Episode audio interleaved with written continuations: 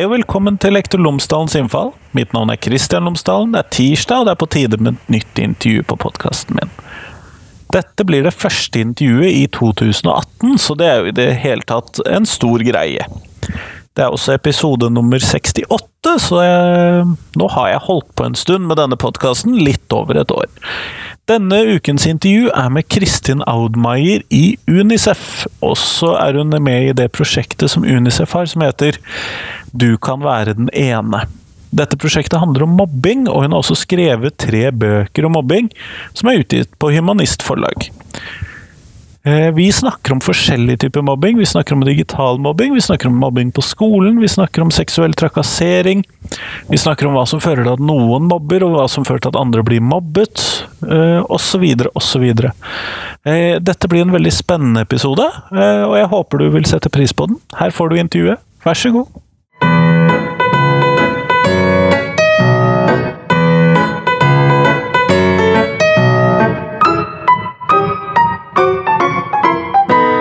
Tusen takk for at du har kommet hit for å prate med meg i dag, Kristin Admeier.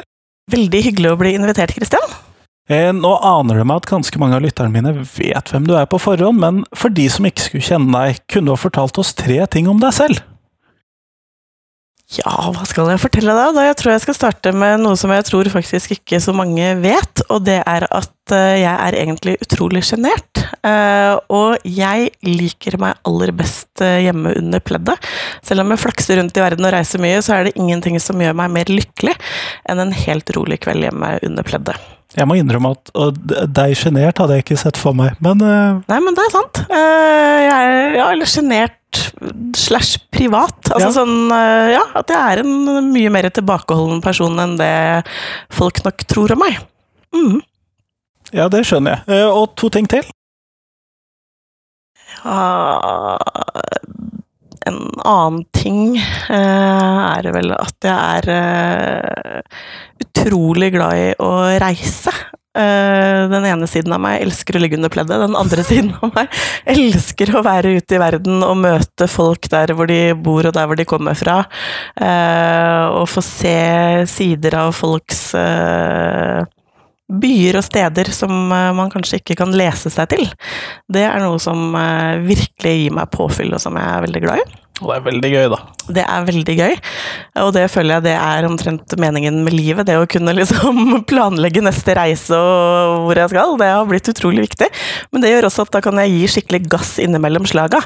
Da vet jeg at jeg liksom har noe å se fram til om ikke så altfor lenge. Så det setter jeg pris på. Mm.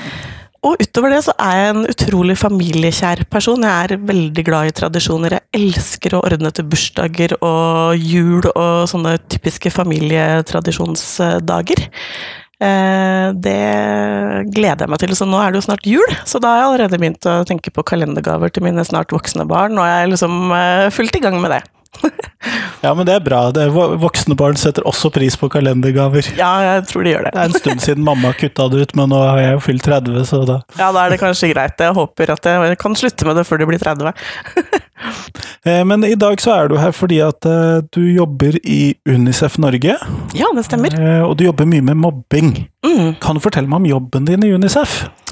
Ja, I UNICEF så er jeg ansvarlig for uh, Du kan være den ene, som tidligere var et prosjekt, egentlig, men som nå har blitt et slags uh, program og en integrert aktivitet uh, i UNICEF Norge. Og i dette programmet så er det bare jeg som jobber, men mye av det som jeg bruker tiden min på der, er å formidle kunnskap til voksne om hva det er som gjør barn sårbare i Norge i dag. formidle kunnskap om barns situasjon i Norge i dag. Og så reiser jeg også mye rundt rundt og prøver å være ganske løsningsfokusert og vise voksne hva de faktisk kan gjøre for å skape trygge, gode, eh, inkluderende oppvekstmiljøer for alle barn. Eh, og en viktig del av det har jo etter hvert blitt forebygging og håndtering av mobbing. Så det har liksom blitt en sånn avleder ut av, eh, av den ene. at det har fått stadig større fokus. Og det handler jo litt om etterspørsel også, at det er mange som ønsker mer kunnskap om det. Så, så det bruker jeg mye av tiden min på. Jeg jobber altså ikke med skoleprogrammer og den type tilnærming, men jobber eh, mye med å møte spesielt eh, foreldre eh, for å snakke om hvordan mobbing ser ut fra barns perspektiv, og hva voksne kan gjøre både for å forebygge og gripe inn. da. Ja, Sånn at du ser det fra en litt annen vinkel enn disse skoleprogrammene, da, med andre ord. Det gjør jeg altså. Jeg har en annen tilnærming til det enn det, og en ja, kanskje også en litt mer positiv tilnærming eh, til det. Eh, jeg forsøker i hvert fall det. Men så er det sånn, jeg møter også mange barn og unge rundt omkring i landet, og snakker med dem om disse tingene. Og det er kanskje noe av det jeg syns er aller morsomst, å høre deres tanker om det, deres forslag til løsninger. Og ofte så dukker det opp eh, morsomme og kloke innspill som vi voksne ikke hadde sett for oss at kanskje kunne fungere, men jeg syns det er viktig å, å hele tiden ha kontakt med barn og unge, og avstemme det budskapet som jeg snakker med voksne om, med det barn og unge faktisk syns er viktig, da. Ja, det er jo de som har skoene på seg, sånn at det er jo de som må vite hvor den trykker. Nemlig. Eh, jeg ser jo også at du har gitt ut tre bøker om mobbing. Ja, det stemmer. Sånn at du har jo virkelig gått helt inn i dette her. ja, jeg har det. Altså, det vokste seg til å bli et større engasjement enn det jeg kanskje hadde sett for meg, men eh, det har vært veldig spennende å få muligheten til å fordype meg i denne tematikken fra en litt eh, annen vinkel enn det man kanskje tradisjonelt ser for seg. Så jeg har skrevet en bok som er en, mer en dokumentarbok, kanskje, som har samlet sammen mange historier. Eh, det var den første boka mi, og den var kanskje ikke så veldig på løsningssiden. Den var mer sånn beskrivende. Og, her er problemet. Her er problemet.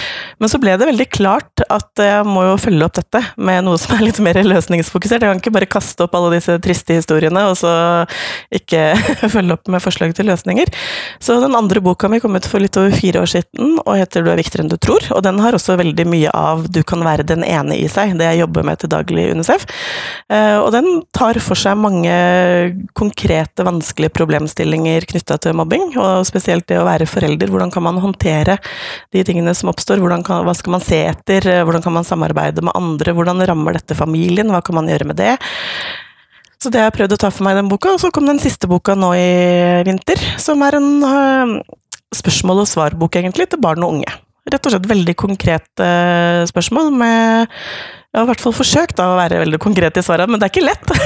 men, Nei, det kan jeg tenke meg. Det er jo ganske mm. vi, både vide temaer og skumle temaer, og veldig personlige temaer du tar mm. opp. Ja, det er jo det. Uh, og det er jo ikke sånn at ett svar eller én løsning passer alle uh, heller. Det er jo veldig individuelt, dette her. og det er et vanskelig farvann å trå i, og jeg vet jo at noen også blir litt provosert av meg og syns kanskje jeg på den ene siden tar litt for lett på ting, og at jeg kanskje litt for ofte forsvarer de barna som mobber. Eller, det føler jo ikke selv at det er det jeg gjør, men jeg føler at man må se også de barna hvis man skal forstå mobbing, og hvis man skal kunne gjøre noe med det. Eh, men jeg prøver å trå forsiktig, og samtidig være veldig tydelig, for det syns jeg er viktig.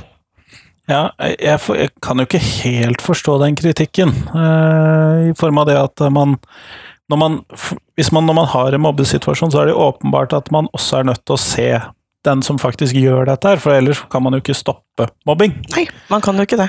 Men det er nok kanskje noen som eh, fortsatt, dessverre, og for meg så er det litt uforståelig, men som er opptatt av at eh, man må straffe de barna som mobber, det må få konsekvenser, eh, og som ikke er så veldig villige til å se hva det er som ligger bakenfor det at mobbing fungerer for enkelte barn og er en nødvendig strategi. Eh, og det er noe av det som jeg har blitt mest opptatt av kanskje etter hvert, er nettopp å skape forståelse for det, hvordan mobbing kan oppstå, hva er det som påvirker barn til å, å liksom forsvinne inn i den rollen, og hvordan kan vi hente dem ut igjen, og ikke minst dette med at barn som mobber også så er barn først og fremst De er ikke den rollen eller den øh, benevnelsen, liksom. De har rettigheter på lik linje som andre barn, og vi må hjelpe dem å finne bedre måter å, å håndtere sosiale settinger og relasjoner på.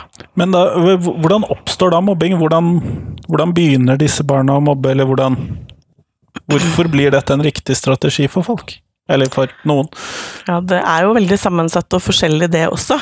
Eh, men det mange jo har en oppfatning av, er at barn som mobber, de kommer fra forferdelige hjem hvor de ikke har lært de riktige verdiene, og hvor eh, foreldrene er eh, lite inkluderende og litt sånn fiendtlig innstilt til omgivelsene.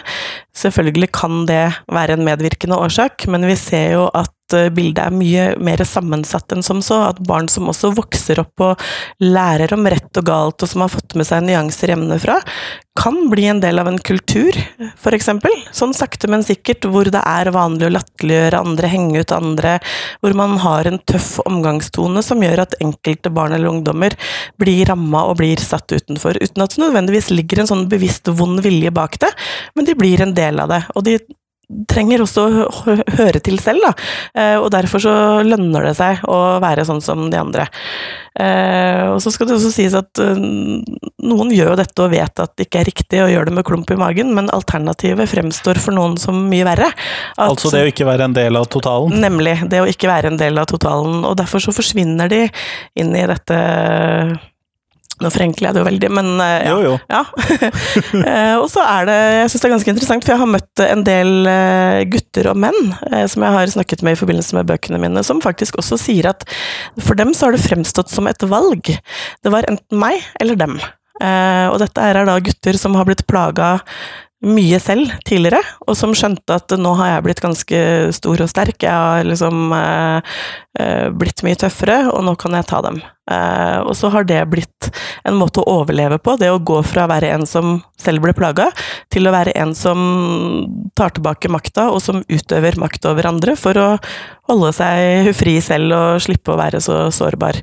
Eh, og det syns jeg også er ganske interessant, og kanskje noe som ikke har fått så mye oppmerksomhet. At det også oppleves som eh, faktisk et valg, og en løsning på å ikke bli helt nedbrutt og ødelagt selv.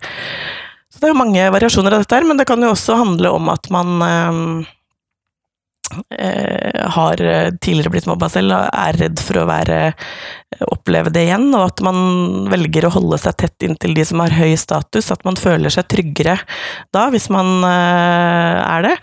Det betyr ikke at man ikke skjønner at det er feil og ikke kan ha dårlig samvittighet. For jeg opplever også at mange tenker at barn som mobber og plager andre, de er liksom blotta for samvittighet, og de vet ikke forskjell på rett og galt.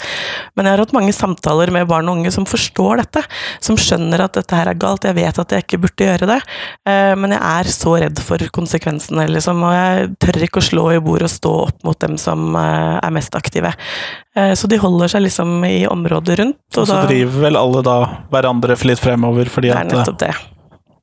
Og så ser man jo mobbingen på nettet er jo ganske lik den mobbinga som skjer uh, utenfor uh, nettet. Men man ser jo også at det lokker til seg noen barn og ungdommer som kanskje ikke hadde turt å plage andre ellers, men som får en anledning nå uh, til å ta igjen for ting de ikke har fått tatt igjen for før, kanskje. Eller for å rett og slett bare heve statusen sin og få litt kred fra, fra jevnaldrende, og som da tør å gjøre ting som rammer andre, enten det er sende bilder eller utlevere informasjon eller hva det måtte være eh, som de aldri ville turt å gjøre ansikt til ansikt, men så kan de liksom skjule seg bak eh, skjermen eller mobilen, og noen tilfeller være anonyme, men de trenger i hvert fall ikke å ta stilling til reaksjoner, og det får ikke noen sånn umiddelbare konsekvenser, det de gjør, og da føles det litt tryggere å, å gjøre det.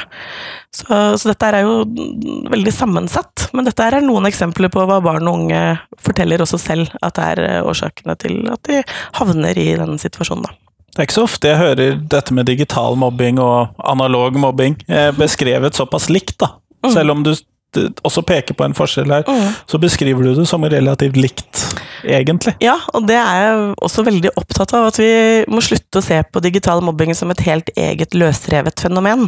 Eh, vi vet jo at ca. 80% av barn som mobbes på nettet, de blir mobba utenfor nettet. Det har en direkte sammenheng, i de aller fleste tilfeller, med noe som har skjedd utenfor nettet. Eh, og det betyr at vi også må håndtere det deretter. Vi kan ikke liksom isolere det til å være en helt egen type, type mobbing. Eh, og det vi også ser, er jo at den mobbinga som skjer på nettet, den ligner jo helt på den mobbinga som skjer utenfor nettet. Det er utestengning, det er latterliggjøring, eh, man bygger falske relasjoner og liksom bygger seg opp i hierarkier, og så dumper man de man ikke trenger. Eh, man baksnakker over en lav sko, sprer rykter. Altså, det er en speiling av livet utenfor nettet. Eh, og det tror jeg voksne særlig må ta inn over seg, at dette her er bare et ekstra verktøy for å utøve det som skjer utenfor nettet, rett og slett. Ja, og da, da, faller jo Det er jo Jeg har jo sett noen skolemennesker som er litt sånn Ja, men dette er digitalt, det har ikke noe med skolen å gjøre, det er jo utenfor skolen. Mm. Og da faller jo det argumentet ganske fort sammen, da. Ja, det mener jeg også, og særlig også fordi de tingene som skjer på nettet, selv om ikke det nødvendigvis skjer i skoletida, men så har det ofte tilknytning, eller det har noe med relasjoner til noen man går på skolen med. Eh, og konsekvensene av det som skjer på nettet, kommer jo ofte til uttrykk på skolen gjennom elever som eh, eh, har det vanskelig på skolen, som mistrives, som er utrygge, som ikke klarer å lære å følge med og være til stede. Og da kan ikke skolen bare si nei, dette her må, må noen andre håndtere, fordi dette henger så tett sammen. Og jeg syns det er sånn sett riktig at det har kommet en presisering nå om at dette er noe skolene må ta tak i. Eh, jeg tror det er den eneste måten man kan få hjulpet barn og unge med også dette, da. Men jeg skjønner at skolene på den andre siden kan føle seg litt overvelda av ansvaret og alle oppgavene de må gå inn i. Det forstår jeg, men jeg kan liksom ikke se at det finnes en annen, bedre løsning enn at dette faller på skolen. Nei, og jeg kan jo være tilbøyelig til å være enig i den. Eh, for det er vanskelig å finne noen annen fellesarena hvor man kunne tatt opp disse Nettopp. tingene. Mm. Eh, men hvis vi går tilbake til 'Du kan være den ene'-prosjektet ditt. Ja. Eh, hva handlet det om? Tittelen sier vel kanskje mye, men eh, hva var 'Du kan være den ene'-prosjektet? Altså, det lever jo i beste velgående fortsatt, men det det handler om, er rett og slett hvordan man kan få voksne til å forstå hvor betydningsfulle de kan være i barns liv. Eh, uten nødvendigvis å pådra seg kjempestore forpliktelser som å være fosterforeldre eller andre ting som krever mye tid, selv om jeg selvfølgelig ønsker at mange voksne skal gjøre det. Men vi har liksom bygget hele Du kan være den ene på en tanke om at lite kan bety mye. Og dette har vi hentet direkte fra resiliensforskning, som viser at barn som strever hele eller deler av sin oppvekst, men som allikevel klarer seg, de forteller ofte historier om voksne som har vært på rett sted til rett tid i deres liv, og som gjennom små øyeblikk eller en relasjon som har vart uh, lenge, har klart å formidle håp om at livet kan bli bedre, du hører til et sted, jeg ser noen ressurser i deg, eh, som andre kanskje ikke har sett, og som har gitt barna noen muligheter som de ellers ikke ville ha fått. Eh, så det er det vi jobber mye med, det å få voksne til å forstå hva det faktisk vil si å bry seg om barn. Eh, både på et overordna nivå, men særlig i daglige møter med barn. Da er det liksom så små ting som betyr altså hvor viktig det er å hilse, lære seg navn, eh, kroppsspråk, det å rydde plass rundt bordet, sørge for at alle unger får vært med på trening og på hyggelige ting som skjer. Eh, hvordan man henvender seg til barn, hvordan man snakker om vanskelige ting med barn. Eh, og hvordan man kan gi barn en opplevelse av å bli sett og høre til, da. Eh, så ja, det er egentlig hele grunntanken som den ene er bygget på. At, jeg, jeg, husker noen ganske rørende historier i, som ble For dere publiserte vel noen ganske rørende historier ja. i tilknytning til dette. Mm. Og de husker jeg veldig godt, de gjorde ganske dypt inntrykk. Ja, så hyggelig å høre at de fortsatt eh, sitter. Ja, det hører jeg fra andre også, at, eh, for det var blant annet en sånn portrettserie i Dagbladet. Det, det, må være den jeg da har lest. Den, ja. Dagbladet har hjulpet oss veldig mye med å løfte opp denne tematikken. Eh, og de intervjuet da en rekke eh, kjente personer som da enten hadde vært eller hatt den ene. Uh, og det gjorde også inntrykk på meg da hadde jeg akkurat uh, begynt i, i, den jobben.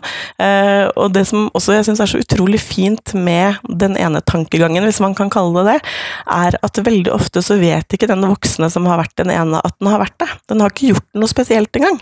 Den har bare vært seg selv, har liksom gjort ting som den har ment har vært riktig, fordi alle skal ha en mulighet til å høre til, og alle skal bli møtt med respekt. Og når de da blir fortalt senere, og det viste jo også den Dagbladet-serien veldig godt, at de faktisk hadde betydd så enormt mye, så er det mange som blir overraska. Og så sier de liksom ja, men jeg gjorde jo ikke så mye, og jeg visste ikke engang at det barnet hadde det så vanskelig. Ja, jeg var jo bare meg selv og var bare hyggelig, liksom. Sånn som man burde være mot alle. Og det illustrerer jo på mange måter også hele poenget med den ene. At hvis man møter alle barn og unge i sitt nærmiljø med et ønske om at de skal ha det bra, at de skal høre til, at de skal få samme muligheter og rettigheter og, som andre barn, så vil man treffe på noen barn som det har en helt spesiell betydning for. Og så er det ikke alltid at man får en takk eller applaus etterpå, eh, men man skal bare vite at det er det rette å gjøre, fordi det kan redde et liv, rett og slett. Og det har vi mange historier eh, som viser. Det er jo viktig i seg selv, det er jo ikke applausen man gjør dette for. Nemlig. Eh, men i dagens samfunn, hvor folk er så opptatt av å få noe tilbake og skulle kunne liksom eh, Nei, kanskje litt stygg, men å smykke seg med at de har vært snille, og vise det fram.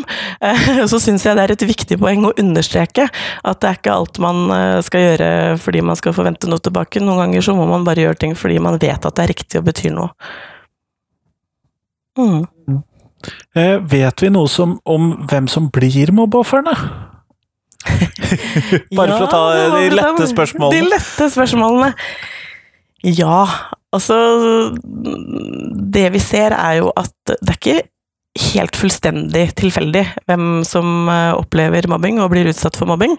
Det vi ser som man kanskje kan beskrive som en fellesnevner, er jo en slags sårbarhet i personligheten som gjør at man reagerer på handlinger som andre gjør eh, mot seg, eh, og som de da opplever at ikke de klarer å beskytte seg mot, de klarer ikke å stoppe det, og de klarer ikke å oppnå en likeverdighet i den relasjonen som gjør at dette opphører, eller at de får tatt igjen og markert seg tilbake.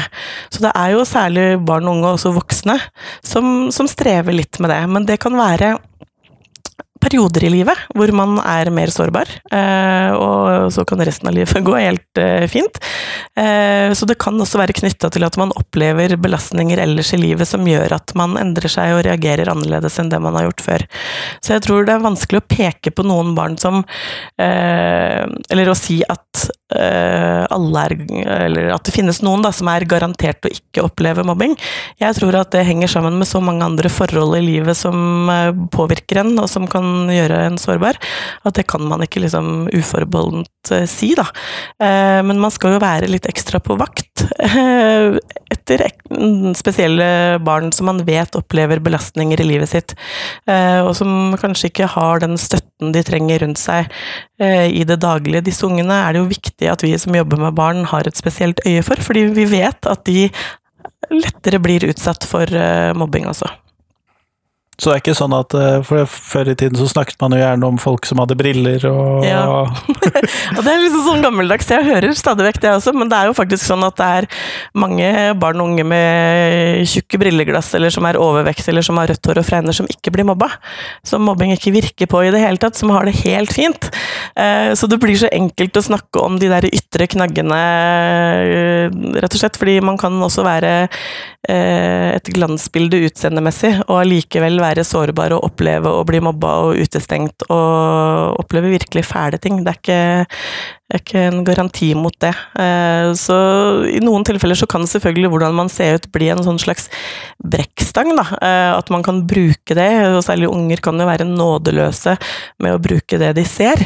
Eh, men så er det også, også et faktum at det er ikke alle unger som bryr seg om det. Ikke sant? Det kan være noen prøver seg og sier ja, du er jammen tjukk, eller sier stygge ting, og så tenker den ungen whatever, liksom. Og, det ga ikke noe effekt, og, nei, ikke sant? og da slutter de. Da fortsetter de jo ikke med det. Eh, så, så, det er ikke sånn at de ser ut på en spesiell måte, eller nødvendigvis oppfører seg på en spesiell måte. Det er liksom faktorer inni barnet først og fremst som gjør at de er sårbare og mottagelige. og at dette rammer dem, da. Og så er det jo sånn at barn også, og ungdommer, og voksne for den saks skyld, også er jo ganske ramme på å finne disse såre punktene i andre mennesker. Eh, og kanskje finner man det ikke med en gang, men man fortsetter liksom å trykke på forskjellige knapper for å se hvor, når er det jeg får en reaksjon. Eh, og noen funker det ikke på i det hele tatt, uansett hvilken knapp man trykker på, mens andre kan man eh, risikere å finne noen ømme punkter hos etter litt tid. Og da settes det jo ofte i gang, ikke sant. Og dette må jo da være ekstra viktig for eh, oss som jobber med barn å være klar over, fordi at uh, hvis vi da Nei, nei, hun kan jo ikke bli mobbet, hun mm. uh, Hun er jo sånn mm. he helt riktig. Ja, ikke sant? Mm. og man da havner utenfor disse kategoriene som man ofte puttet mobbingen inn i, i hvert fall mm. før i tiden. Ja, det er et veldig viktig poeng, altså. Og det er nok noen barn som har litt problemer med å klare å overbevise voksne om det de opplever. Fordi voksne ser de med helt andre øyne, tenker at dette er jo et veldig ressurssterkt eh, barn. Det er ingenting som skulle tilsi at dette stemmer, og jeg ser det jo ikke heller. Det ser ut som de oppfører seg helt normalt mot henne eller han. Eh, så det er noen barn som strever litt med å bli trodd på det de opplever, fordi de har så mange andre ressurser og mange positive egenskaper som gjør at den sårbarheten ikke er så tydelig. Den ligger liksom ikke utapå på barna. Det, skinn, det står ikke sånn merkelapp i panna mobbeoffer? Det gjør ikke det. Eh, selv om noen liksom mener at det kanskje gjorde det mer før. Og det kan nok hende at rollene var litt, både litt mer statiske og litt mer stereotypiske før, men vi ser jo at dette har jo endra seg. Og vi ser jo også at de som mobber øh, andre, det er jo ikke de der verste bøllene som øh, Klassiske, stereotypiske litteraturmobberen? Nei, det er jo ikke det. ikke sant? Veldig ofte så er det fine unger som er godt likt av voksne, og som har et nettverk, og som øh, kan virke gode til å bygge relasjoner, og som har sterke sterke posisjoner også, som kan stå bak dette her. Og det gjør det jo ekstra vanskelig for voksne å oppdage og skjønne at uh, dette faktisk skjer. Uh, så det er liksom ikke den der bølla som uh, lå i skolegården og gjorde opp på bare nevene. Det har blitt mye mer avansert. og det er nok flere typer barn også som er involvert i det. Finner vi noen kjønnsforskjeller på dette? Eller for der leser jeg jo stadig vekk litt sånn frem og tilbake. Ja, det syns jeg er et interessant spørsmål, fordi eh, jeg opplever at når jeg reiser rundt på skoler, så møter jeg veldig ofte lærere som Åh, disse, denne jentemobbinga, altså. Og disse problemene med disse jentene. Alt dette drama. Alt dette drama med disse jentene. og det er det jo. Jeg har jo to tenåringsdøtre selv. Er selvfølgelig er det drama med jenter. Eh, det er ikke det, men eh, når man ser på hva undersøkelser viser, så er det ikke så veldig store kjønnsforskjeller. Og i den grad det er kjønnsforskjeller, så kan man faktisk si at gutter er noe mer utsatt, og utøver også mobbing noe mer enn det jenter gjør. Og så er det selvfølgelig noen typer mobbing som, hvor det er noen uh, kjønnsforskjeller, uh, men i det store og det hele så er det ganske likt. Uh, og derfor så er jeg veldig tilhenger av å slutte å kjønne mobbinga. Det har jeg også skrevet om i begge de to siste bøkene mine, fordi når vi kaller det jentemobbing eller bitching eller sånne jentegreier, så forholder vi oss for det første ikke til alvoret i det som skjer. Eh, og da tilskriver vi det liksom eh, du, du, minsker det? Du gjør det, altså. Eh, det er den ene siden ved det.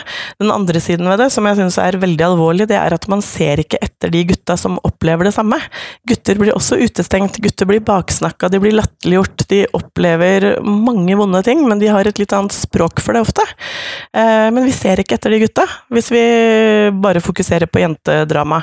Eh, og vi ser heller ikke de gutta som utøver disse formene for mobbing. Så det er mange gutter som går under radaren, på en måte, fordi vi er så veldig fokusert på alt dette jentedramaet. Men guttedrama fins der, men det har kanskje et litt annet uttrykk, og så forteller de om det også på en litt annen måte. Men det syns jeg er veldig bra at uh, norske forskere har oppdaga de blinde flekkene og har begynt å gå inn i det. Og da, når de har gjort det nå, så kan de også beskrive at det er ganske likt, det som skjer mellom uh, Eller det både gutter og jenter opplever, da. Eh, jeg har snakket før en av de første, det vil si det første intervjuet på podkasten min, ja. med Frode Fredriksen. Ja, det er en bra mann, altså. Ja, det er jeg helt enig i. Ja, fantastisk mann. Eh, og det han snakket om, var at man så at mobbetallene gikk ned på slutten av uh, barneskolen. Mm. Men at uh, også at tallene for seksuell trakassering gikk opp mm. i den samme perioden. Mm. Uh, og at dette ofte gjorde at man overså mobbetallene for de eldre gruppene, eller at man mm. opplevde at det var mindre mobbing. Mm. fra ditt ståsted, hvordan tenker du rundt dette? Nei, eh, der er jeg enig med Frode Fredriksen. Og jeg syns også det er interessant når man ser på de siste elevundersøkelsene, så ser man jo faktisk at på niende trinn så er det en peak opp igjen. Eh, altså på ungdomsskolen Det går liksom litt ned, og så går det opp igjen på niende trinn, midt på ungdomsskolen. Eh, så jeg tror nok at, eh, at man kanskje eh, ja, hva skal man si, ja?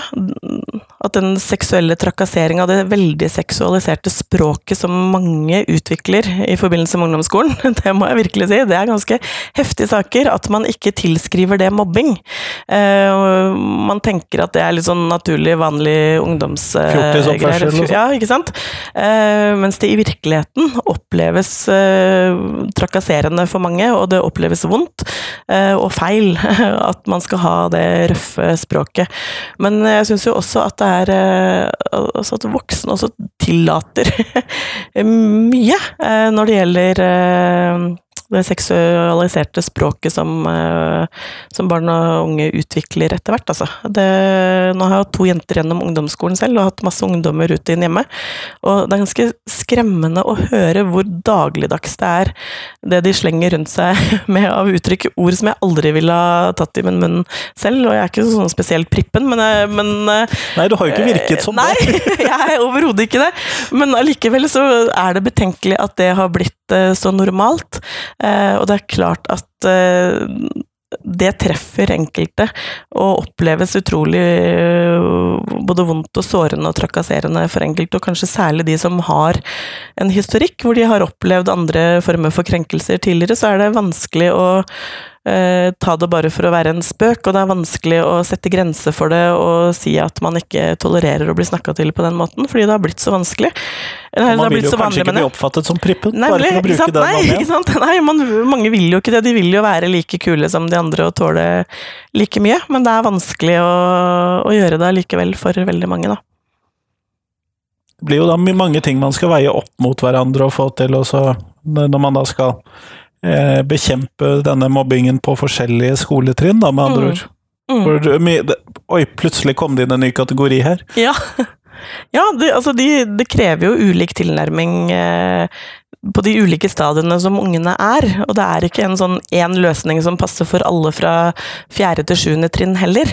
Her er, det er jo enormt store forskjeller på barn mellom uh, fjerde og sjuende trinn, og det samme når de kommer på ungdomsskolen. og Det er klart at det er veldig utfordrende for omgivelsene, men det er allikevel utrolig viktig at man uh, går inn med rett tiltak på rett nivå, liksom, ut ifra hvor ungene befinner seg, da. Eh, jeg hørte for litt siden om en sjuendeklasse hvor de begynte med sånne kort hvor de belønna for atferd som de ville ha sånne snillekort, tror jeg hun mammaen eh, kalte det da. Snillekort? Snillekort, liksom, ja. På en sjuende klasse. Eh, nå er ikke jeg fan av sånne kort uh, uansett, men, men allikevel, da tenker jeg at da har man kanskje ikke gjort en uh, helt riktig og god vurdering, da, når man setter inn det som et uh, tiltak på sjuende trinn når de begynner å bli ganske hormonelle allerede. og Eh, ikke er små barn eh, som man kan forlede på den måten. Dette avslørte jo de eh, ungene ganske fort, og opponerte veldig mot, så det ble jo ikke et godt resultat. Jeg liker jo unger som opponerer, da. Ja, jeg, ja absolutt. Jeg syns det var grunn til å opponere mot det, jeg. Men, men det er liksom et sånt ja, eksempel da, på at man er nødt til å tilpasse tiltakene ut ifra alder og modning. Det er viktig, altså. Jeg kjenner jo at sånne type tiltak, det vrenger seg jo alt mitt pedagogiske meg. Ja, i meg også. det gjør det, altså.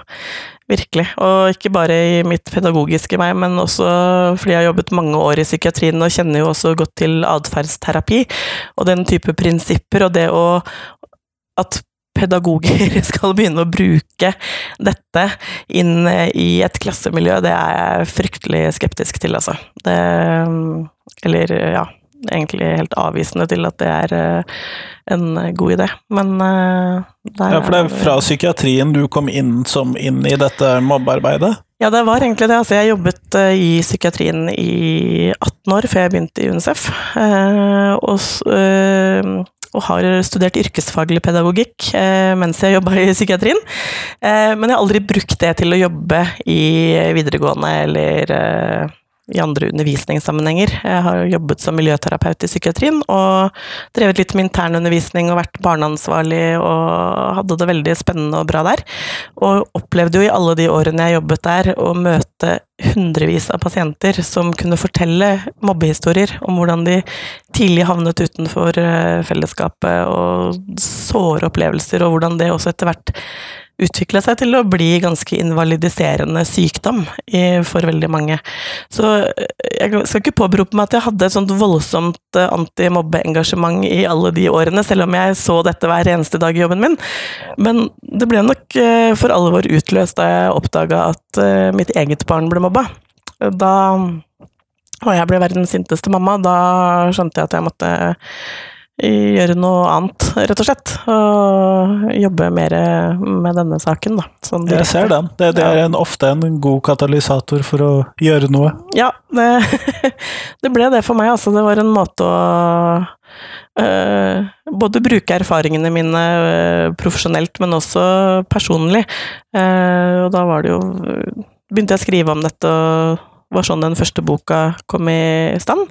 Og så ble UNICEF nysgjerrig og så på det jeg skrev og min tilnærming til det, og så plutselig så ja, fikk jeg et jobbtilbud og har vært der siden, da. Ganske Så- gøy, da. Sånn, Ja. sånn sett. Resultatet, altså. Ja, det er jo det. Altså. Jeg hadde ikke sett for meg det at jeg skulle drive med dette. Jeg har alltid tenkt at jeg skulle skrive bøker, men det var liksom romaner.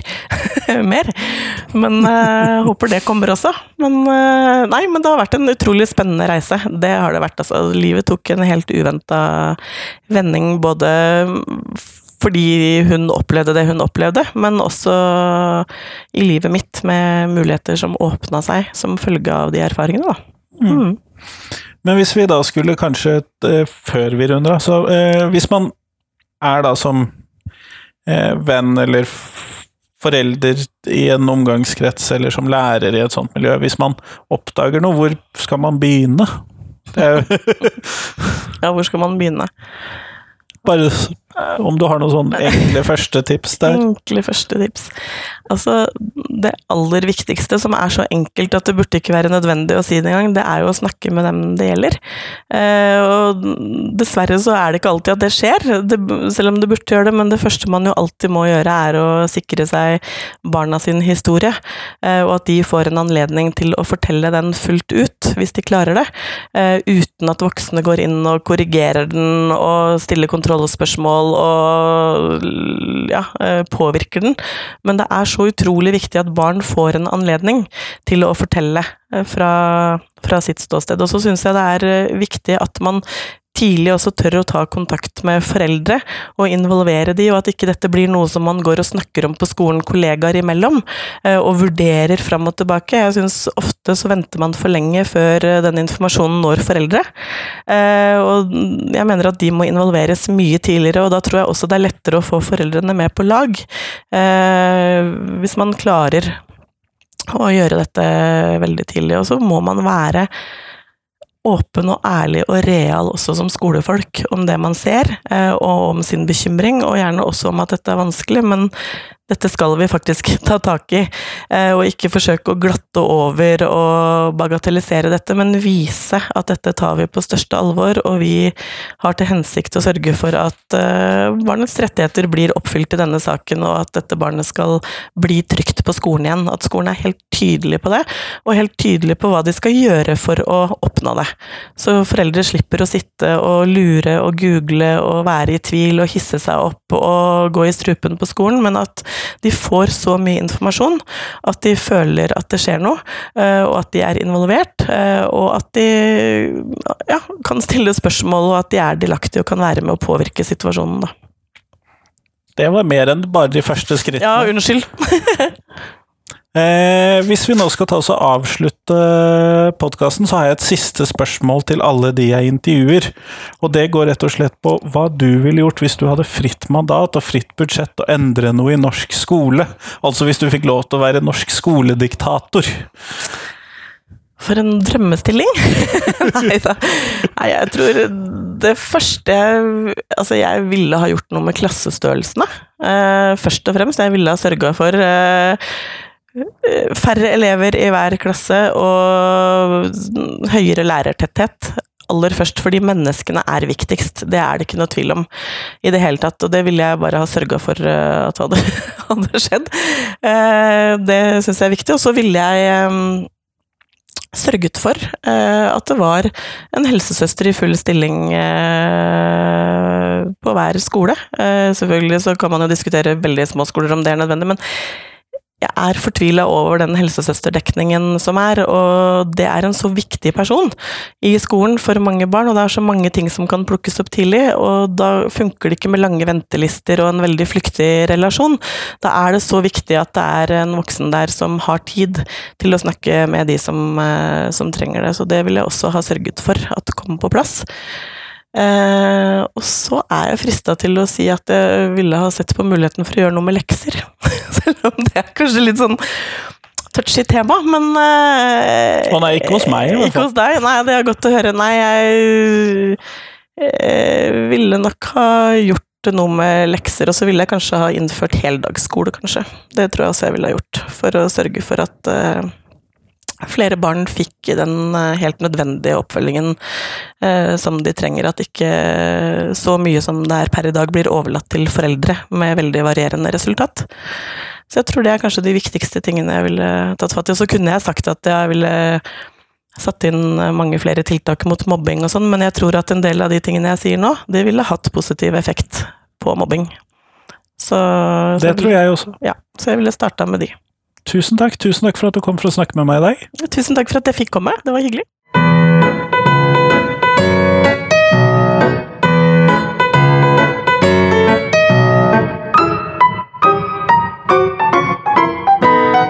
Tusen takk til Kristin Admeier, og tusen takk til deg som hørte på. Nå er det en uke til neste intervju på podkasten, men i mellomtiden så kan du jo benytte muligheten til å gå tilbake i listene mine og se om du finner et annet intervju du syns er spennende.